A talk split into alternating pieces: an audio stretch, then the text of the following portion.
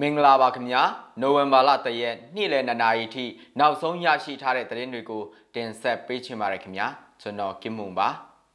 ရန်ကုန်ပသိမ်လမ်းမကြီးပြီးတလျှောက်ရှိကြံရှိနေတဲ့ကျူးကျော်နေအိမ်တွေကိုအင်အားသုံးကထပ်မံဖြိုဖျက်နေတဲ့သတင်း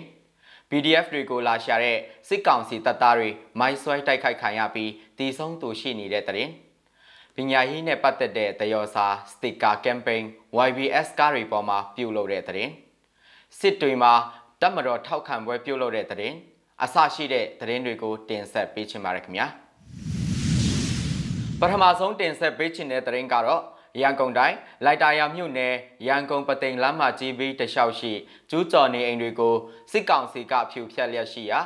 ကြန့်ရှိနေသည့်တဲ့ကျူးကျော်အိမ်တွေကိုဒီနေ့နိုဝင်ဘာလတရက်မနေ့ပိုင်းမှာအင်အားသုံးကထပ်မံဖြူဖျက်နေကြောင်းဒေတာခန်တွေစီကသိရပါတယ်။ စစ်ကောင်စီကအဲ့ဒီနေရာတွေရှိကျူးကျော်နေအိမ်တထောင်ကျော်ခန့်ကိုအော်တိုဘာလ28ရက်နေ့အပြီးဖြတ်သိမ်းဖို့အမိန့်ထုတ်ထားခဲ့ရာအဲ့ဒီနေ့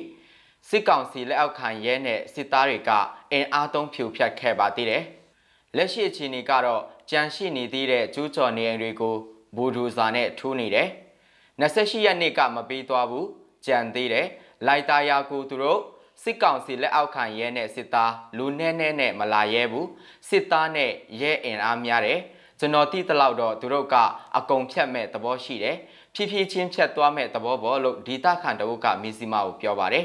ဒီနေ့ရန်ကုန်ပသိမ်လမ်းမကြီးရဲ့အောက်လန်းသွယ်ရှိကျူးကျော်နေအိမ်တွေကိုဆက်လက်ဖြိုဖျက်နေကြောင်းသိရှိရပြီးဖြိုဖျက်ရမှာဘူဒူဇာကားများအထိကယုံနေနေရေးကားများစစ်ကားရဲကားများနဲ့ရေကား စီပင်ကားတွေလည်းအမြောက်အများပါဝင်ပြီးအင်အားသုံးဖြိုဖျက်နေတယ်လို့မျက်မြင်သက်သေတွေကဆိုပါတယ်ဒီနေ့မနေ့အစောပိုက်ကဆလို့လိုက်တာရဘရင်နောင်တရားပိတ်ထားတာကြောင့်ရုံးသိရမဲ့အလုပ်သမားများအခက်အခဲရှိခဲ့ပြီးမနေ့10နာရီမှာတရားပြန်လည်ဖွင့်ပေးခဲ့ပြီးမဲ့လဲလိုက်တာရမြို့နယ်နဲ့ချိတ်ဆက်ထားတဲ့အောင်စီရကျိုးတရားနဲ့ရွှေပြည်သာတရားမှာရင်ကြောပိတ်ဆို့မှုရှိနေတဲ့အကြောင်းခရီးသွားတွေစီကသိရပါတယ်ဆက်လက်ပြီးတော့ မန္တလေးတိုင်းမင်းချန်နဲ့နထွေကြီးမြို့ဆက်ကြားရှိပြားရွာနဲ့ပဲကြီးခင်းရွာယူကြားမှာ PDF တွေကိုလာရှာတဲ့စစ်ကောင်စီတပ်သားတွေကမိုက်ခွိုင်းတိုက်ခိုက်ခံရပြီးနှစ်ဦးတီဆုံးကြောင်းဒေသခံတွေကပြောပါတယ်။မနိကအော်တိုဘာလ31ရက်နေ့လယ်2နာရီချိန်မှာအကြမ်းဖက်စစ်ကောင်စီတပ်သား16ဦးကိုအမေမတိပျောက်ကြားတပ်ဖွဲ့မှမိုက်ဆွဲတိုက်ခိုက်ခဲ့တာဖြစ်တယ်လို့ဒေသခံတွေကဆိုပါတယ်။စစ်ကောင်စီတပ်က16ယောက် ချီကျင်ရောစိုက်ကယ်၃စီးနဲ့အဲ့ရွာနဲ့ရွာကြားကတောအရန်ကြတဲ့ယူထဲမြစ်ချောင်းကနားမှာလိုက်ကြည့်နေတာပျောက်ကြားတပ်ဖွဲ့တပ်ဖွဲ့ကတိုက်တာမိုက်ခွိုင်းတာရောတနက်ပစ်တန်ရောကြားရတယ်။နှစ်ယောက်တည်တယ်။အပြန်မှာမိပေါက်ရွာရဲ့မကြီးသုံးပင်အောက်က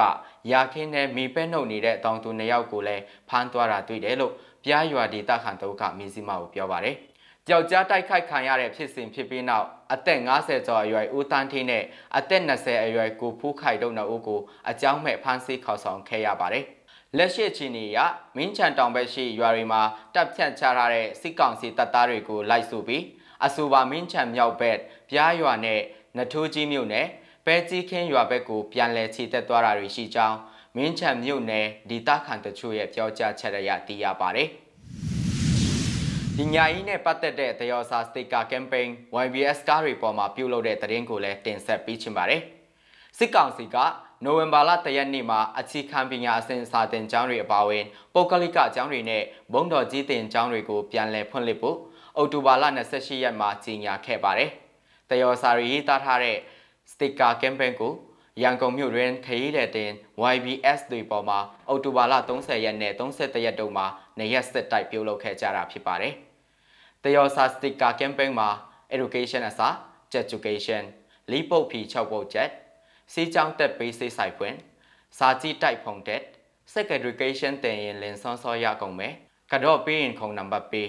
ပါတိတ်ပါတိတ်အစရှိတဲ့တယောစာရေးသားထားတဲ့စတစ်ကာတွေကို နောက်ခုံကြောဘက်မှာကပ်ပြီး campaign ပြုလုပ်ခဲ့ကြတာဖြစ်ပါတယ်။ဒါအပြင် Together We Fight ဆိုတဲ့ညီငွေရေးအတွက်အသွင်ဆောင်တဲ့စတစ်ကာတွေကိုလည်းကပ်ပြီးတော့ campaign ပြုလုပ်ခဲ့ပါတယ်။စစ်ကောင်စီကအခြေခံပညာအဆင့်ကျောင်းတွေပြန်လည်ဖွင့်လှစ်မဲ့အပေါ်တပိတ်မောက်ကျောင်းငီနောင်မဟာမိတ်အခြေခံပညာကျောင်းသားသမဂ္ဂ48ဖွဲ့တို့ကတပိတ်မောက်ကျောင်းအောက်တိုဘာလ30ရက်မှာပူးတွဲထုတ်ပြန်ကြေညာခဲ့ပါတယ်။နောက်ဆုံးတင်ဆက်ပေးချင်တဲ့သတင်းကတော့ ရခိုင်ပြည်နယ်မြို့တော်စစ်တွေမှာနိုဝင်ဘာလတရက်ဒီနှစ်မနေ့ပိုင်းကတပ်မတော်ထောက်ခံပွဲပြုလုပ်ခဲ့ပါတယ်။အဲ့ဒီထောက်ခံပွဲကိုစစ်မှုထမ်းဟောင်းအသင်းကဦးဆောင်ကျင်းပခဲ့တာဖြစ်ပြီးတပ်မတော်အငိမ့်စားတွေတပ်မတော်တပ်သားမိသားစုဝင်တွေ